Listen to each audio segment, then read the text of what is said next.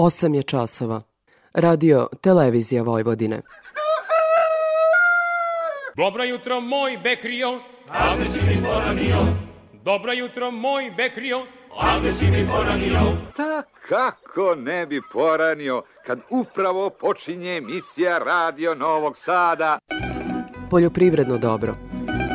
Radio magazin za poljoprivredu i selo. Pred mikrofonom je Stevan Davidović.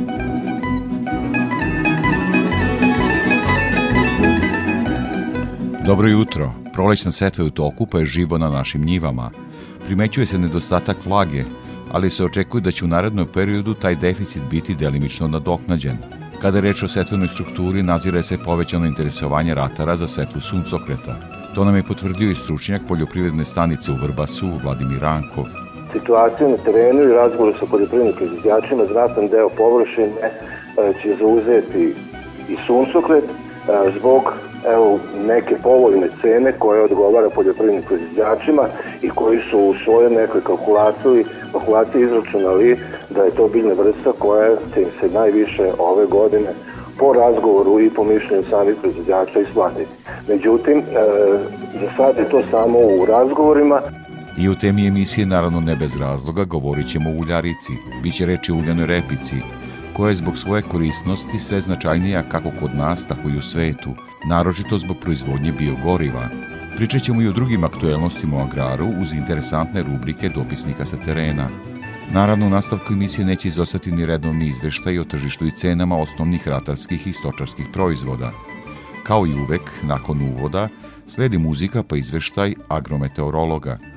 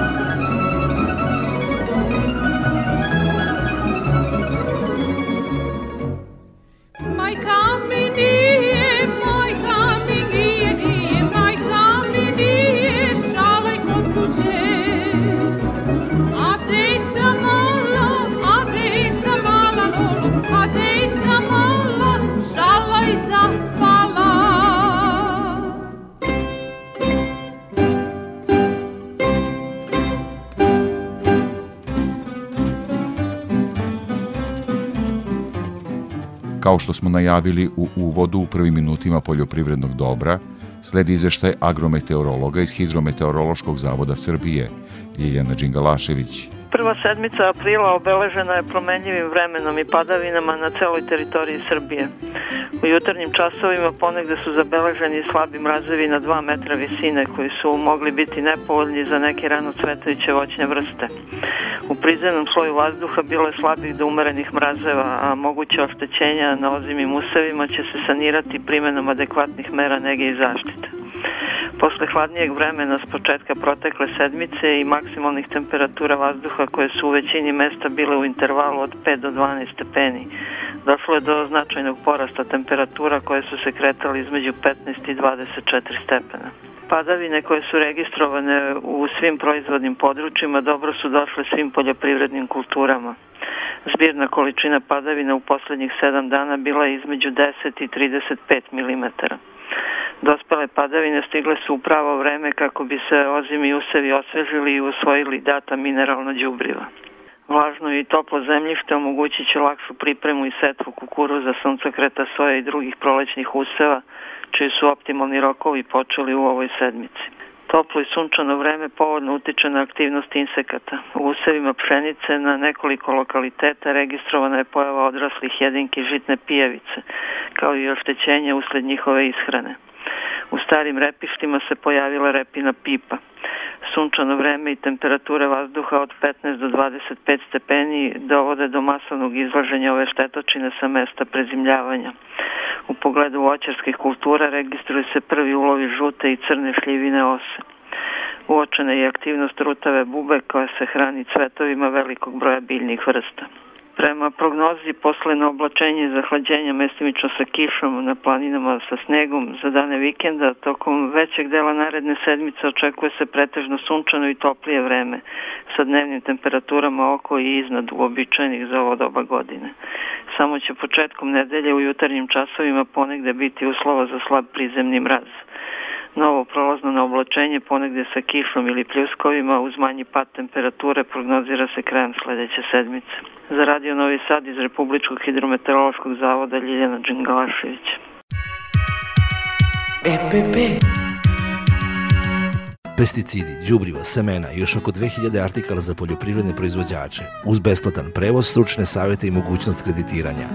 Hemoslavija, Novi Sad, Stevana Sinđelića 17, na putu za veternik. Hemoslavija 021 63 11 666. EPP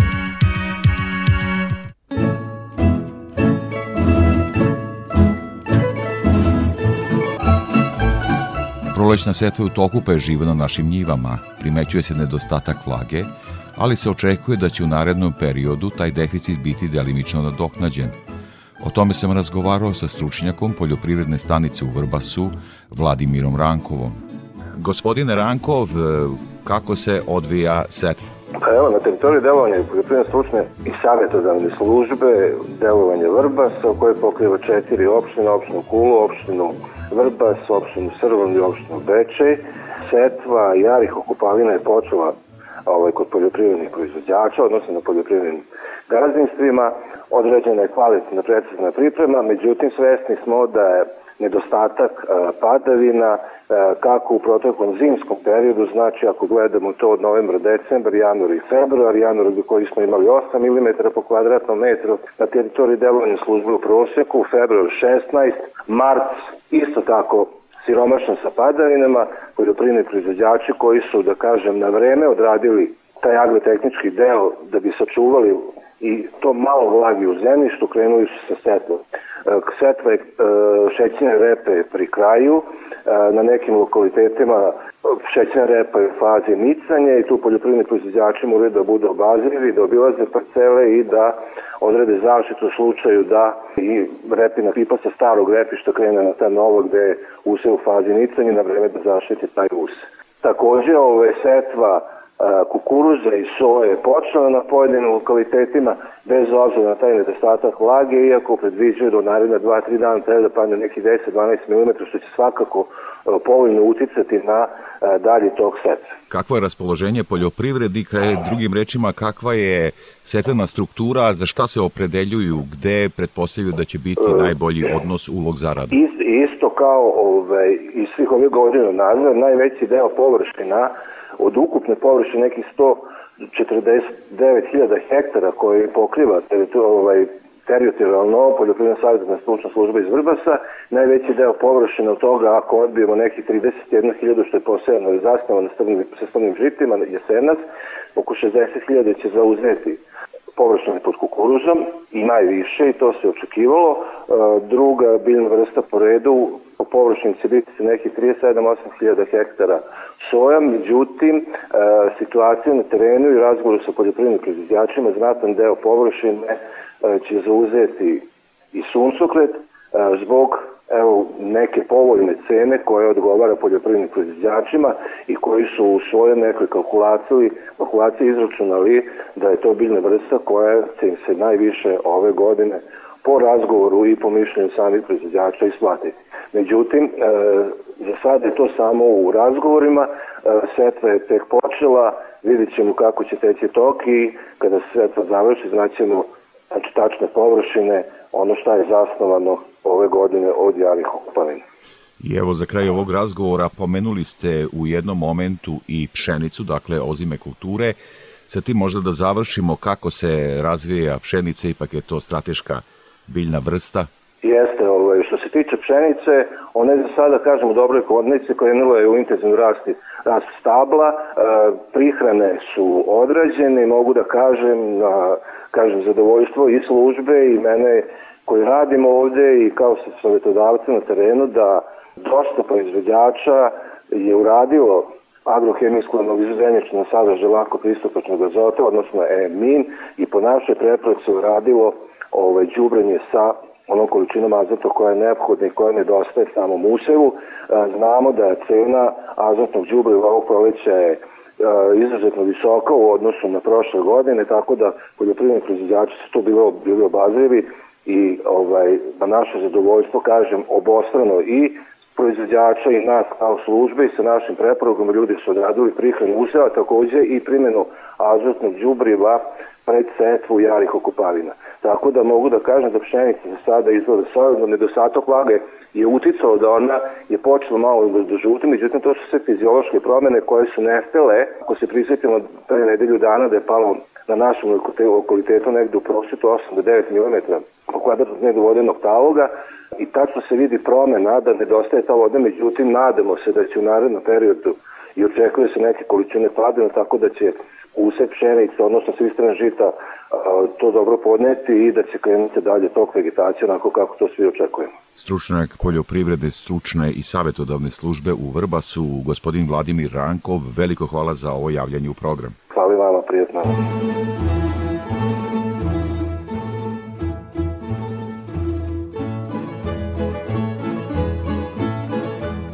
Prelazimo na zaštitu bilja. Iz prognozu izveštene službe javlja se stručnjak u toj oblasti Milena Marčić.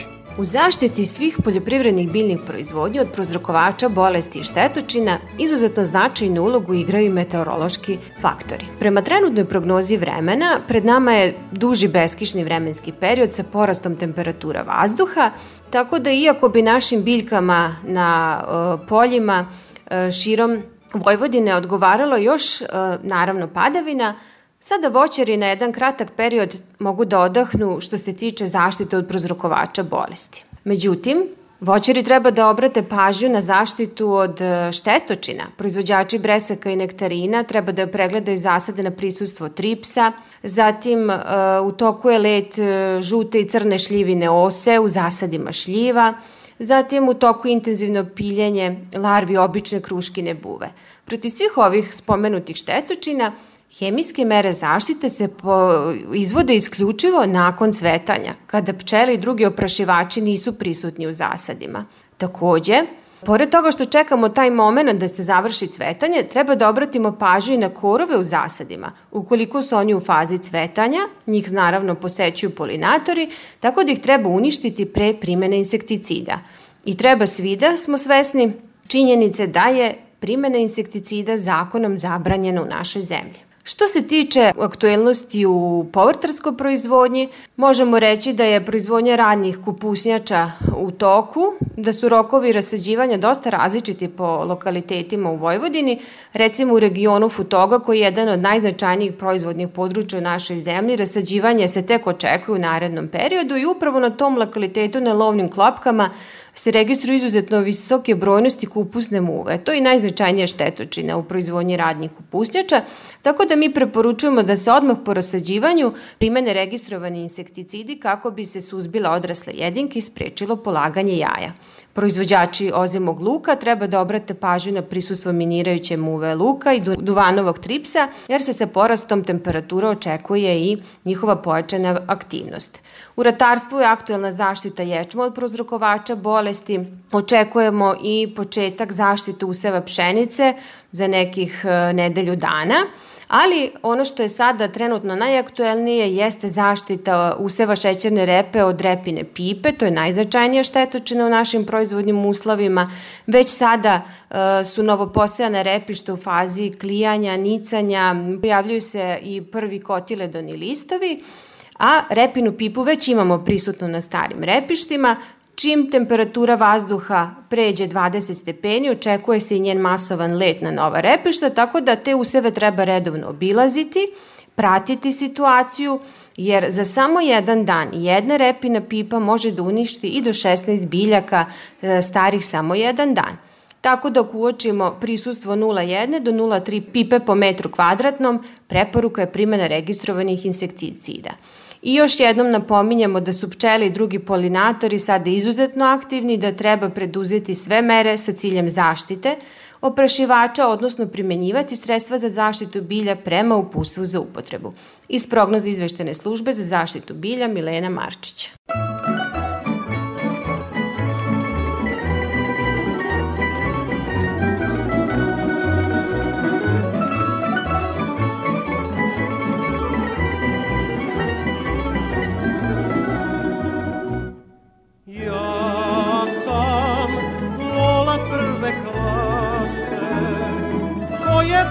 Od mene ne zna se Ko je bolji nek nosi pobedu Moje zlato ljubiti ne smedu. Ko je bolji nek nosi pobedu Moje zlato ljubiti ne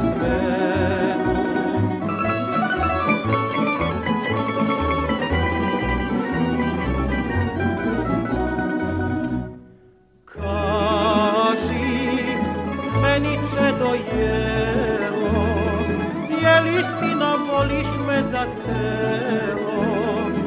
Istina je, jest tako mi Boga. Tebe volim i više nikoga Istina je, jest tako mi Boga. Tebe volim i više nikoga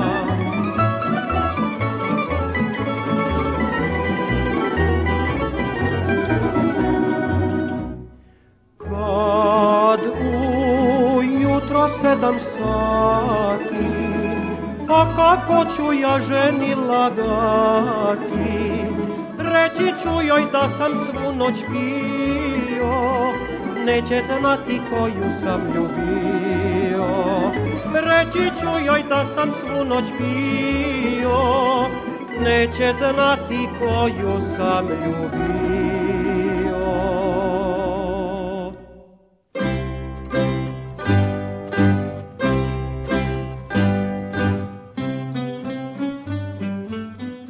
trgovanju na Novosadskoj produktnoj berzi izveštava Anja Jakšić. Smanjena aktivnost robno-berzanskih učesnika uticala je na smanjenje prometa na produktnoj berzi. Cene primarnih poljoprivrednih proizvoda nisu zabeležile veće cenovne promene u odnosu na prošlu nedelju. Ukupan promet je iznosio 1650 tona, dok je finansijska vrednost iznosila 75 miliona 893 250 dinara. Na tržištu kukuruza tokom ove nedelje nije došlo do većih cenovnih oscilacija. Slaba ponuda ove žitarice i dalje je prisutna na tržištu. Početak nedelje doneo je smanjenu tražnju, dok je interesovanje kupaca za ovom žitaricom raslo do sre od sredine nedelje. Kukuruzom za promptnu isporuku se trgovalo u cenovnom rasponu od 32 dinara 50 para do 32 dinara 80 para po kilogramu bez PDV-a. Ponderisana cena za ovu nedelju iznosi 32 dinara 74 pare po kilogramu bez PDV-a, što predstavlja minimalni rast od 0,12% u odnosu na prethodnu nedelju. Bila je primetna veća tražnja za kukuruzom sa povišenim procentom vlage, koji se tokom nedelje trgovao u cenovnom rasponu od 31 dinar 50 para do 31 dinar 90 para po kilogramu bez PDV-a. Za razliku od prethodne nedelje, kada je pšenica bila najtrgovanija berzanska roba, ove nedelje dolazi do smirivanja tražnje na robno-berzanskom tržištu i blagog snižavanja cene. Berzanski ugovori zaključeni su u cenovnom rasponu od 34 dinara 70 para do 35 dinara 50 para po kilogramu bez PDV-a. Ponud ove žitarice se tokom nedelje kretala i na višim cenovnim nivoima do 36 dinara po kilogramu bez PDV-a, ali kupaca na tom cenovnom nivou nije bilo. Ovo nedeljna ponderisana cena je 35 dinara 9 para po kilogramu, što predstavlja pad cene od 0,47%. Tržište soje je pasivno u odnosu na prethodni period. Tokom nedelje kupci i prodavci su bili na različitim cenovnim nivoima, što je dovelo do zaključenja samo dva berzanska ugovora u cenovnom rasponu od 82 do 82 dinara 50 para po kilogramu bez PDV-a. Pondar cena za ovu nedelju iznosi 82 dinara 33 para po kilogramu, što je pad od 0,29%. Krajem nedelje viši cenovni nivo tražnje u odnosu na početak nedelje nije rezultirao zaključenjem novih berzanskih ugovora. Ugovori za stočni ječam realizovani su po jedinstvenoj ceni od 36 dinara po kilogramu bez PDV-a. Suncokretova sačma beleži pad cene u odnosu na prethodni period, a trgovana je u cenovnom rasponu od 44 do 44 dinara 60 para po kilogramu bez PDV-a. Ruska urea pakovanje 500 kroz 1 trgovana je po ceni od 900 eura po toni. Ukoliko se osvrnemo na ovaj period prošle godine, kada se terminski trgovalo sa pšenicom, kukuruzom i suncokretom, primećujemo da ove godine terminski ugovori izostaju. Razloge možemo pronaći u neizvesnosti oko potencijalnog izvoza, kao i u dešavanjima na svetskom tržištu. Sa produktne berze Anja Jakšić.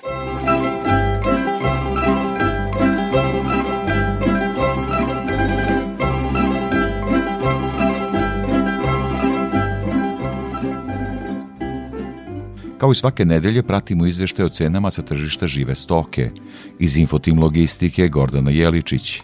U toku ove nedelje naši saradnici su tovne svinje sa farme oglašavali po ceni od 190 do 205 dinara po kilogramu, tovljenike sa mini farme po ceni od 180 do 190 dinara po kilogramu, a tovljenike iz otkupa po ceni od 165 do 185 dinara po kilogramu. Na samom kraju ove nedelje cena za farmsku robu beležila je jače cene u ponudi i pregovorima, tako da su se pregovori završavali na cenu do 200 dinara po kilogramu. Ponuda jagnjadi oglašena je po ceni od 350 do 380 dinara po kilogramu, a ovce za klanje su nuđene po ceni od 155 do 167 dinara po kilogramu. Zbog predstojećih praznika primećujemo veće interesovanje za jagnjadima. U toku nedelje prasaca farme oglašena su u rasponu cena od 330 do 370 dinara po kilogramu, prasaca mini farme po cenama od 310 do 320 dinara po kilogramu, a prasad iz otkupa po ceni od 300 do 310 dinara po kilogramu.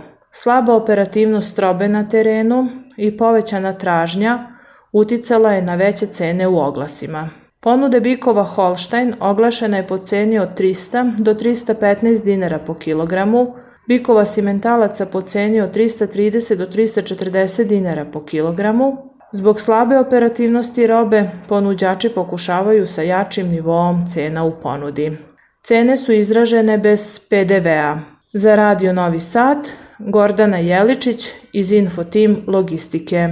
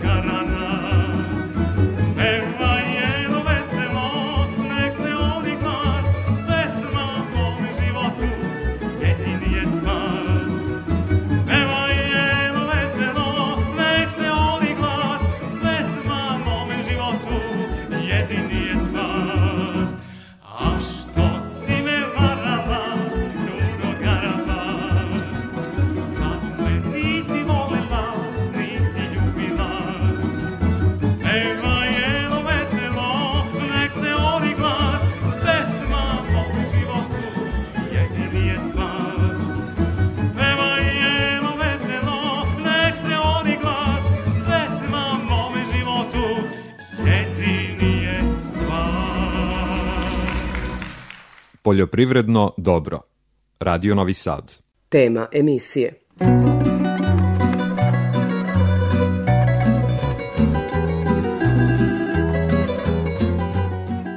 U temi emisije govorimo o uljenoj repici. Gost u studiju je stručnjak Instituta za ratarstvo i povrtarstvo Ana Marjanović Jeromela. E, kakva je situacija na terenu kada je reč o uljenoj repici? Uljana repica se sada nalazi na samom početku cvetanja, cvetni pupoljci su iznad najmlađih listova, a već se pojedini cvetni pupoljci vide pojedinačno, no još uvek nisu cvetovi otvoreni.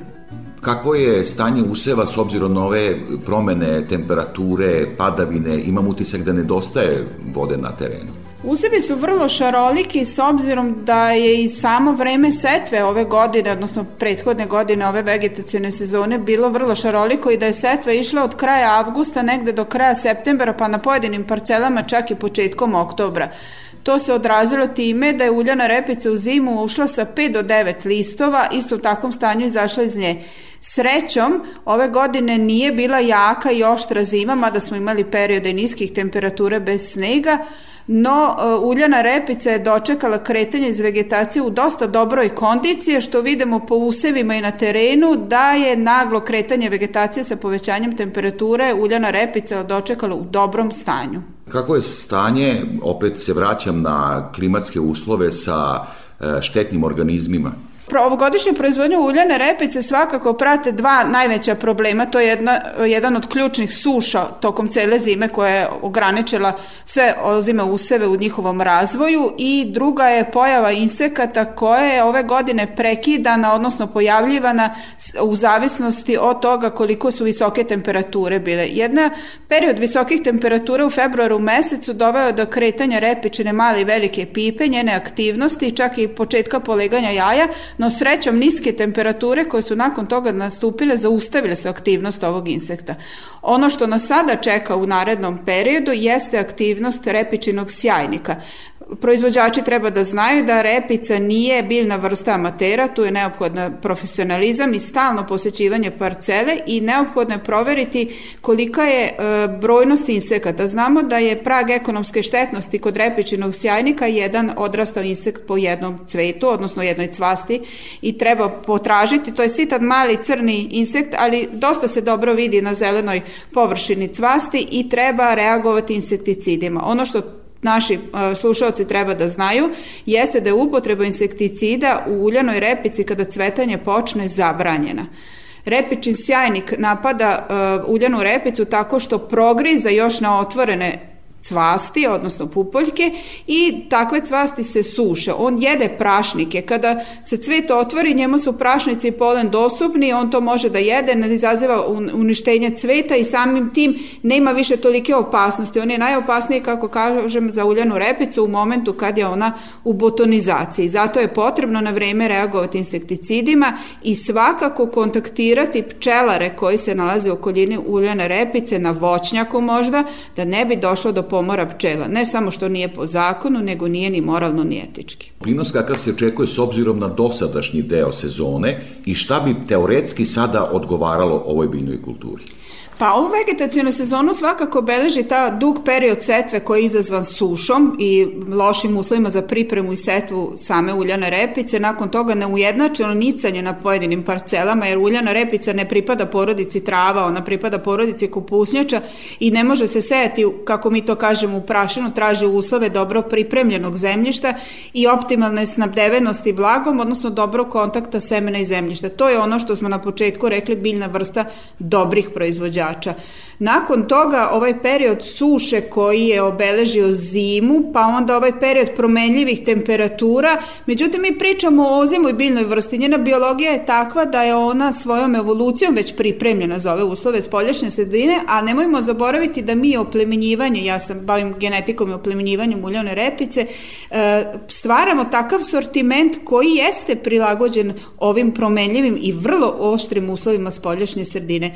Ja prognozujem prognoziram da će e, prinosi biti dobri, to je jako rano sada reći, jer nas čeka jedan od kritičnih perioda u razvoju uljano repice, to je in, vreme intenzivnog porasta u kome se sada nalazimo, zatim dolaze cvetanje i nakon toga takođe značajan period, a to je nalivanje, formiranje nalivanja semena. U tom momentu je jako važno da takođe imamo dobro snabdeveno s vlagom, da nemamo olujne e, vetrove i da nemamo grad, što je specifičnost, nažalost, najvećih proizvod, oblasti za proizvodnju uljane repice, to je Vojvodina i Istočna Srbija. Ako ne budemo imali ovakvih nepogoda, ako nas održi prolećna vlaga, ja očekujem da ćemo imati ne rekordne, ali zaista dobre prinose uljane repice. I možda je vreme da napravimo korak dalje, a to je agroekonomija i u sklopu toga deo da ostanemo i kod agronomije jeste zainteresovanost naših e, poljoprivrednika za e, gajanje ove kulture i kolike su površine, kakvi su trendovi? E, da raste zainteresnost naših proizvođača za proizvodnju uljane repice možda možemo naći i u podatku Zaveda za statistiku gde vidimo da je površina zasejanom uljanom repicom porasla za gotovo trećinu, 27% i da sad imamo nešto preko 29.000 hektara zasejanih uljanom repicom. Tačan broj hektara znaćemo tek nakon žetve, jer jedan deo useva može propasti tokom zime ili usled napada insekata neodgovarajućem zaštitom i tako dalje, ali svakako po interesu proizvođača, po interesu evo medija, po interesu čak i onih koji utiču na uh, politiku, poljoprivrednu politiku, vidimo da interes za ovom biljnom vrstom u svakom slučaju možemo iz svih ovih navedenih faktora shvatiti da jako raste, a jedan od osnovnih razloga jeste prvenstveno dobra cena koju postiže ova biljna vrsta u otkupu, što je naravno najveći motiv proizvođačima i sasvim razumljivo jer svaki dinar na ovo vreme ima svoje mesto. Pored toga, to je biljna vrsta čija tehnologija proizvodnje je vrlo razrađena i e, dosta precizno data, tako da je proizvođačima lako da sledeće upustva onih koji su u sort, te sorte stvorili utiču na to da se otvare, ostvare potencijali za prinos i nemojmo zaboraviti da i mehanizacija koja je obnovljena na mnogim gazdinstvima baš doprinosi proizvodnju ovakvih biljnih vrsta koje su vrlo intenzivne, znači gde je potrebno precizno na vreme odraditi sve korake, a ta biljna vrsta vam adekvatno vraća e, svojim prihodom, odnosno kod uljane repice, nemojmo zaboraviti reći da je to i prvi značajniji prihod koje gazdinstvo ostvaruje.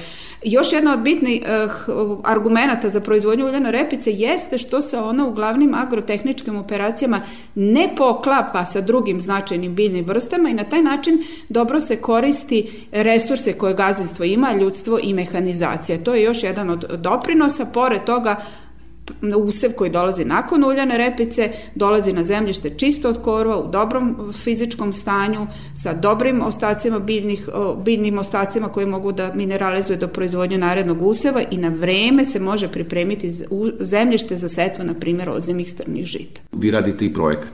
E, mi smo na jednom vrlo značajnom evropskom projektu zajedno sa partnerima iz Srbije kao što su Prirodno-matematički fakultet u Novom Sadu i Vode Vojvodine gde e, radimo na rešavanju privođenjem takozvanih marginalnih zagađenih zemljišta u poljoprivrednu proizvodnju gajanjem useva koji mogu da se koristi za proizvodnju biogoriva. S te strane uljana repica odgovara po dva svoja, dve svoje osnovne osobine, a to je da može da se gaji na zemljišti na koji su opterećeni opterećene nekim od problemima, a da njen proizvod ulje i biomasa mogu da se koriste u proizvodnji biogoriva. E, to u poslednje vreme sve više dobija na značaju baš zbog oba ova faktora, kako zemljište koje do sad nije korišćeno u poljoprivrednoj proizvodnji, a znamo da je to resurs koji je vrlo ograničen i čija proizvodnja nije moguća zemljišta koliko ima, kako je to ovaj, svoje vremeno Ford rekao, kupujte zemlja, njena proizvodnja odavno prestala, za, za uljanu repicu važi da eto možemo gajiti na zemljištima koje su opterećena nekim problemima, a proizvod te biljne vrste vrlo uspešno može da se plasira u proizvodnji biogoriva. Čak i ako nije na tim zemljištima, a što je prednost jer ćemo možda imati i veći prinos, ne treba zaboraviti da u proizvodnju uljane repice i osnovnog njenog proizvoda, a to je ulje, dobijemo jedan sve značajniji proizvod, a to su proteini. Valorizacijom, odnosno uh, unovčavanjem ovog nus proizvoda proteinima bave se takođe mnogi značajni evropski projekti s obzirom da se ti proteini koriste kao substituent mesu i u mnogim industrijama nalaze vrlo značajno mesto. možda za kraj razgovora e, da se dotaknemo i zakonske regulative o sve aktuelnijem pitanju biogoriva. Kako je to u svetu i kod nas rešeno? Biogoriva dobijaju sve veći značaj regulativom Evropske komisije koja je prepoznala pojavu obnovljivih izvora energije, a samim tim i biogorivima kao delo obnovljivih izvoza, odnosno obnovljivih energija koje mogu da praktično ulaze u već postojete te tehnologije i već postojeće mašine, tako da je e, uljana repica tu dobila značaj pošto je ona jedna od najznačajnijih sirovina u Evropi koja se koristi za proizvodnju biogoriva. Znamo da u našoj zemlji je zakonom prepoznato su biogoriva i ona su vrlo precizno definisana kao tečna goriva koja se proizvode iz biomase, no za sada zakon ne definiše ni plan proizvodnje, ni korišćenja biogoriva u narednom periodu, ali ja sam vrlo veliki optimista i sigurna sam da će se u narednom periodu, baš zbog okolnosti, vrlo delikatne situacije u kojoj se trenutno nalazimo, biogoriva naći svoje mesto, a samim tim i uljana repica. I zaista za kraj razgovora možda samo par rečenica. Uloga Instituta za ratarstvo i povrtarstvo kao instituta od nacionalnog značaja u da kažem, proizvodnji ove značajne uljarice. Institut kao institut od nacionalnog značaja u svojoj strategiji od strane vlade Srbije ima jedan zadatak, a to je proširenja fonda znanja i transfer znanja u praksu. Kroz različite projekte, kod naše učešće u medijima, kroz e, obuke koje dajemo proizvođačima, različitim tekstovima koje pišemo u stručnim i naučnim časopisima, mi se gotovo svakodnevno trudimo da svoje rezultate nakon dugogodišnjih istraživanja koje učestvujemo kroz projekte raznih ministarstva, evropskih fondova i drugih naših financijera, sve što saznamo u uljanoj repici, u saradnji sa drugima, plasiramo na vrlo jednostavan i na vrlo prijemčiv način ne samo našim proizvođačima nego i onima koji su kreatori politike kako bismo zajedničkim snagama doveli do porasta proizvodnje. Znamo da vrlo često ono što se uh, kroz rezultate i dugogodišnja istraživanja utvrdi da je korisno za opšto društveno zajednice proizvođači dosta teško prihvataju. Mi to sasvim dobro razumemo jer oni su oni koji direktno ulaže i koji žive od te proizvodnje. Neophodno da svi zajedno utičemo na promenu svesti i da različitim načinima postičemo proizvođače koji su praktično osnova e, naše proizvodnje biogoriva, samim tim o proizvodnje uljane repice stručnjak Nosadskog instituta za ratarstvo i povrtarstvo Ana Marjanović i Romela. Veliko vam hvala za ovaj razgovor i učešću u programu. Hvala vama za interesovanju za uljanu repicu. Nadam se na bolje budućnosti za ovu biljnu vrstu.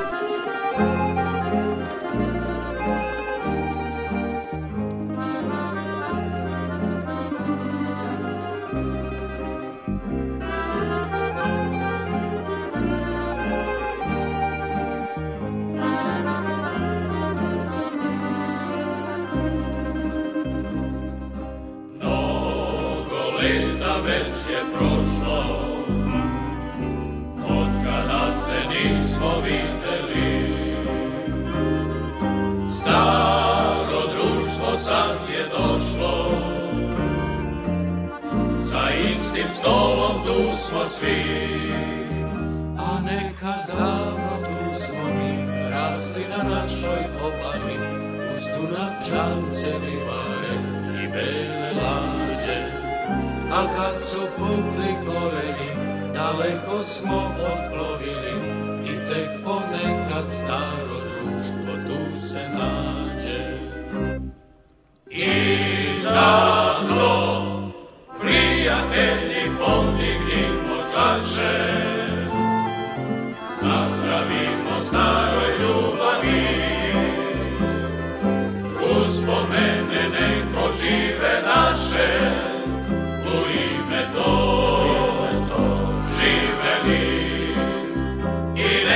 čuje naša pesma ove noći, ovu noć smo dugo čekali jer ko zna kada ćemo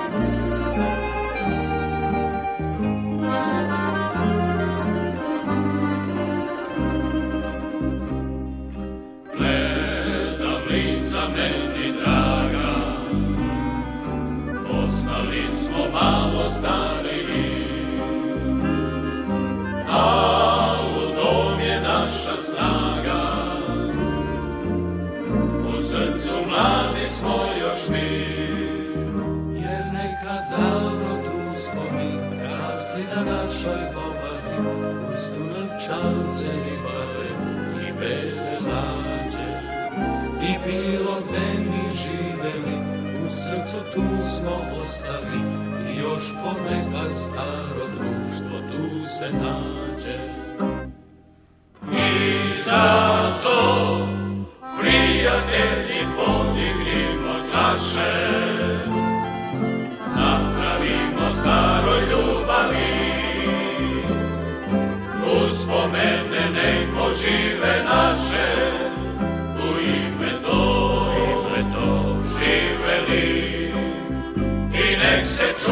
Naša pesma ove noći, smo dugo čekali,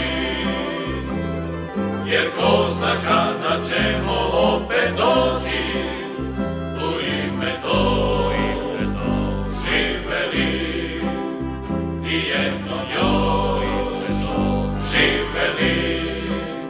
sad skupa svi živeli,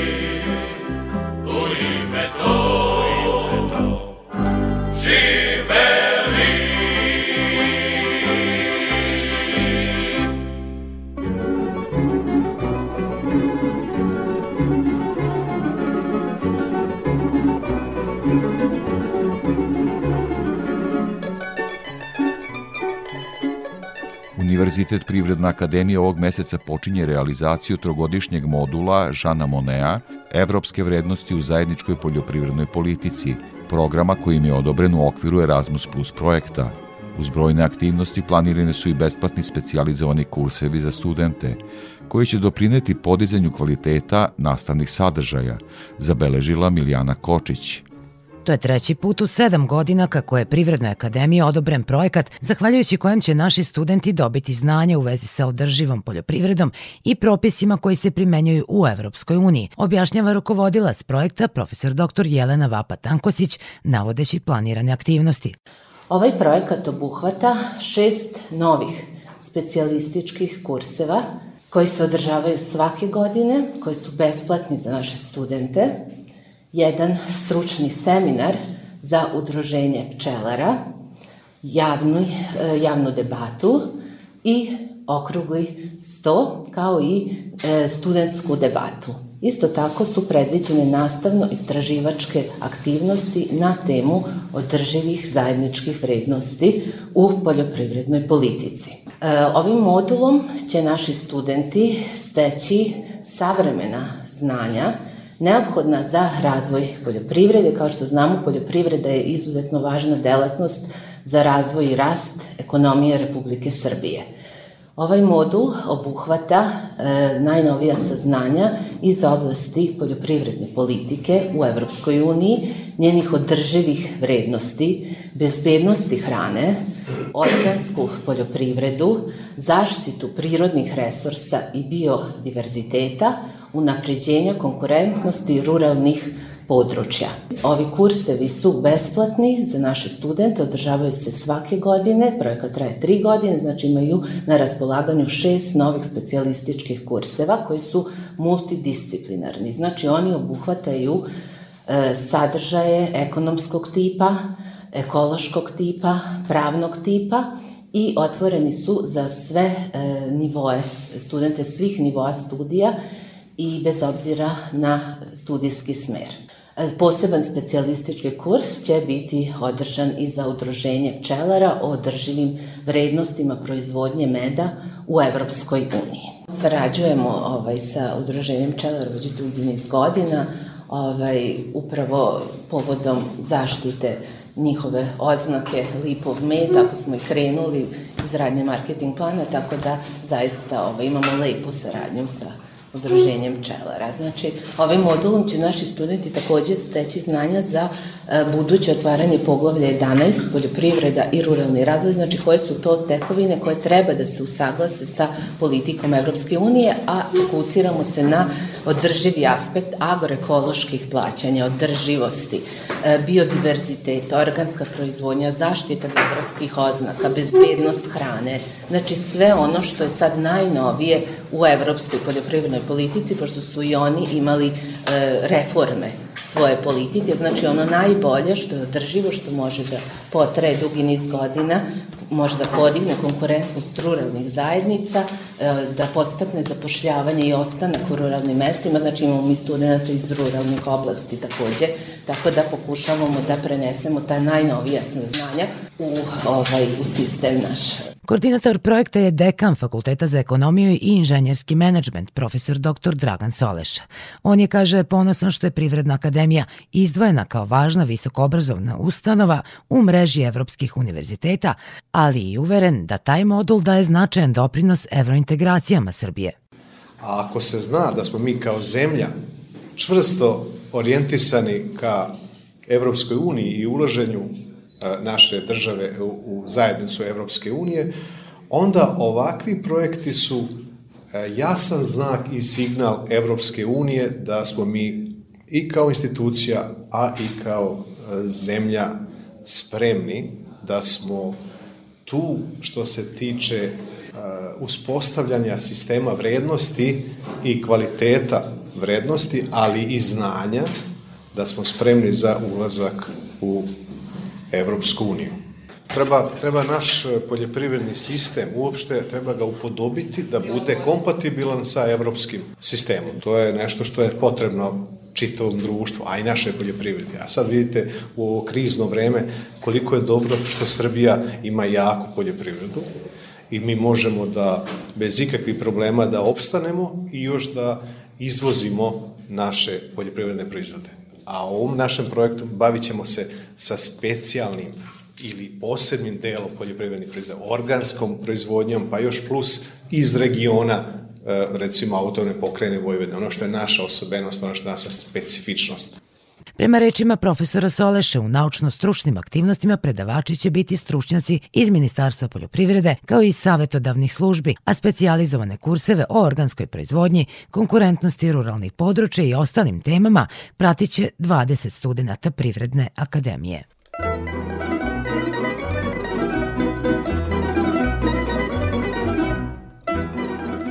EduNet nazivi zajedničkog projekta Opense i Fondacije Novi Sad 2021. Učesnici projekta su učenici novosadskih srednjih škola. Deo novina koje su učenici osmislili predstavljen je u poljoprivrednoj školi u Futogu na promociji projekta. Detaljnije Milan Rakić.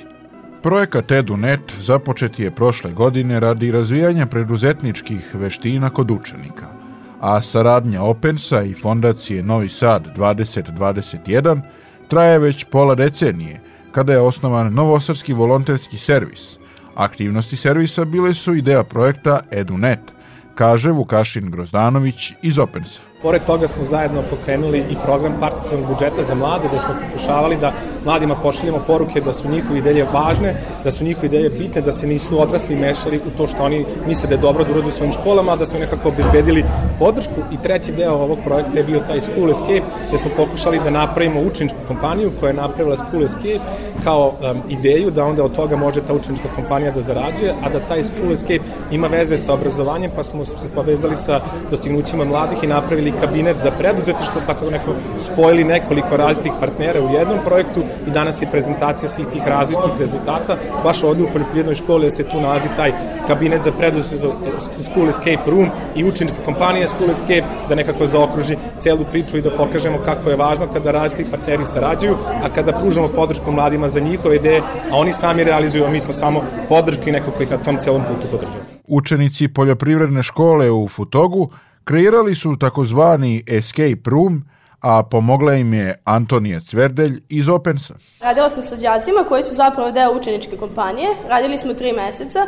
Prvo smo radili na realizaciji i osmišljavanju same ideje i koncepta escape rooma, koji će zadaci biti i na način na koji ćemo zapravo da implementiramo i onda smo krenuli zapravo sa opremanjem, iscrtavanjem i kupovinom svog materijala koji nam je potreban da bi sad imali finalni produkt, odnosno da bi imali funkcionalne escape room. Treba da reši zadatke koji se nalaze svuda po prostoriji. Znači imamo na tabli, imamo, moraju sami da istražuju. Tako da postoje neke stvari koje su ono, označene sa katancima, oni moraju da shvate zapravo šta treba da urede da bi otvorili te određene kutije. U poljoprivrednoj školi u Futogu predstavljen je samo deo dosadašnjih rezultata projekta EduNet, Kako najavljuju organizatori, taj projekat ovom promocijom nije okončan, predviđene aktivnosti trajeće i u narednom periodu.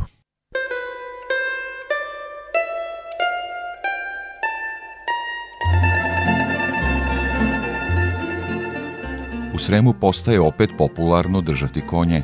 Najčešće su to lipicaneri koji se od ove godine obeležavaju vrućim žigom i evidentiraju na jedinstveni način pod nadzorom stručnih službi osnovnih odgajivačkih organizacija.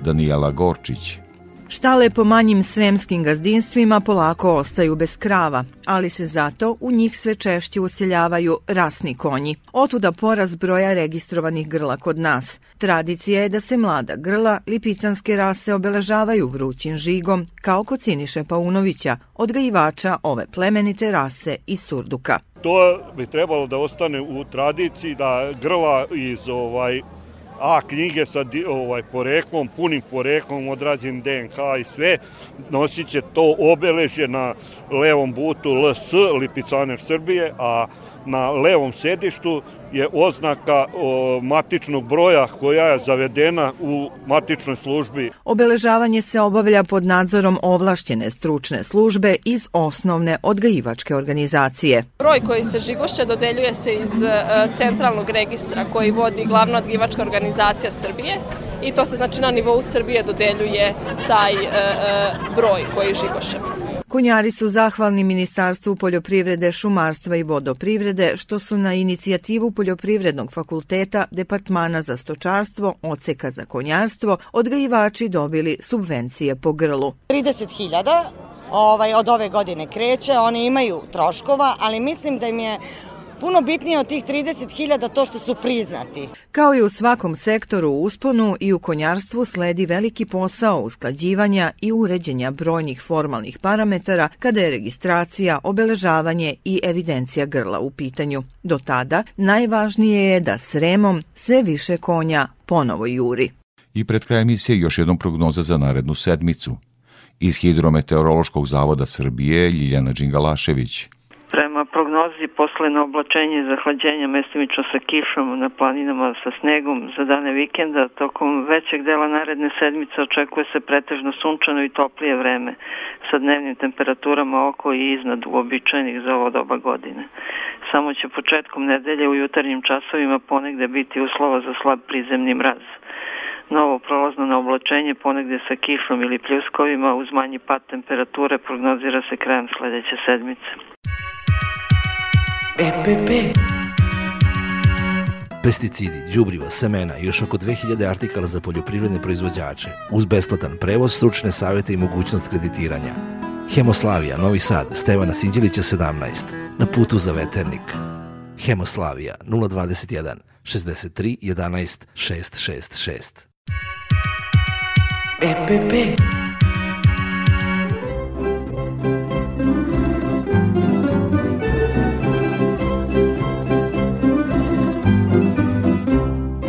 bi bilo sve što smo pripremili za ovo izdanje poljoprivrednog dobra Radio Novog Sada. Emisiju montirala Sabina Nedić. Muziku birao Aleksandar Stojanović. Pozdravlja se urednik i voditelj Stevan Davidović. Naredni susrete za sedam dana uz podsjećanje da emisiju možete slušati i odloženo na portalu Radio Televizije Vojvodine na adresi rtv.rs. Svako dobro.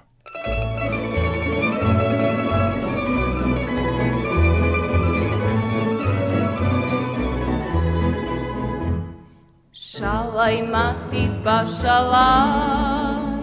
udaću se u žabalj, udaću se za žabaljca, koji novce baca šalaj. Udaću se za žabaljca, koji novce baca šalaj.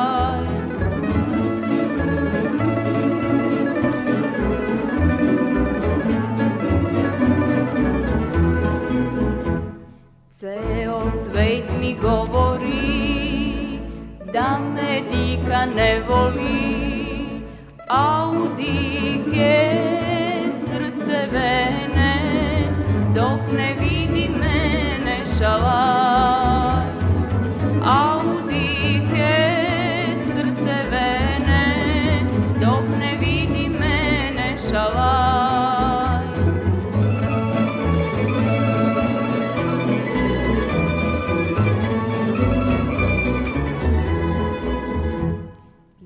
Zelen bagrem beo cvet, žen se diko dok si lep, žen se diko dok si mio, ma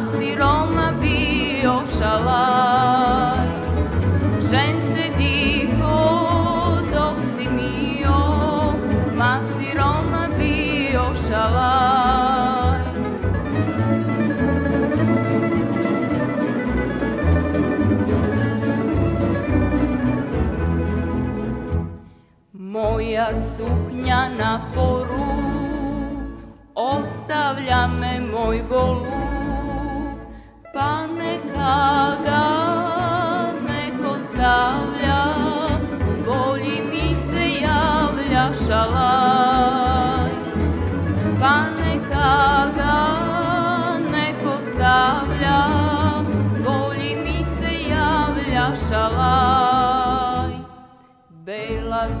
suknja rokoko Ne ljubi makar ko Već me ljubi varadinac U majke jedinac šalaj.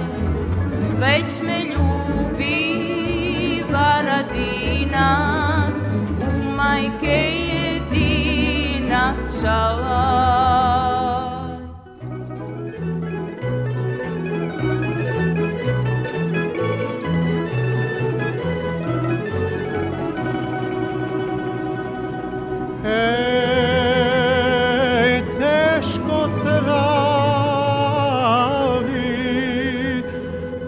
koja vode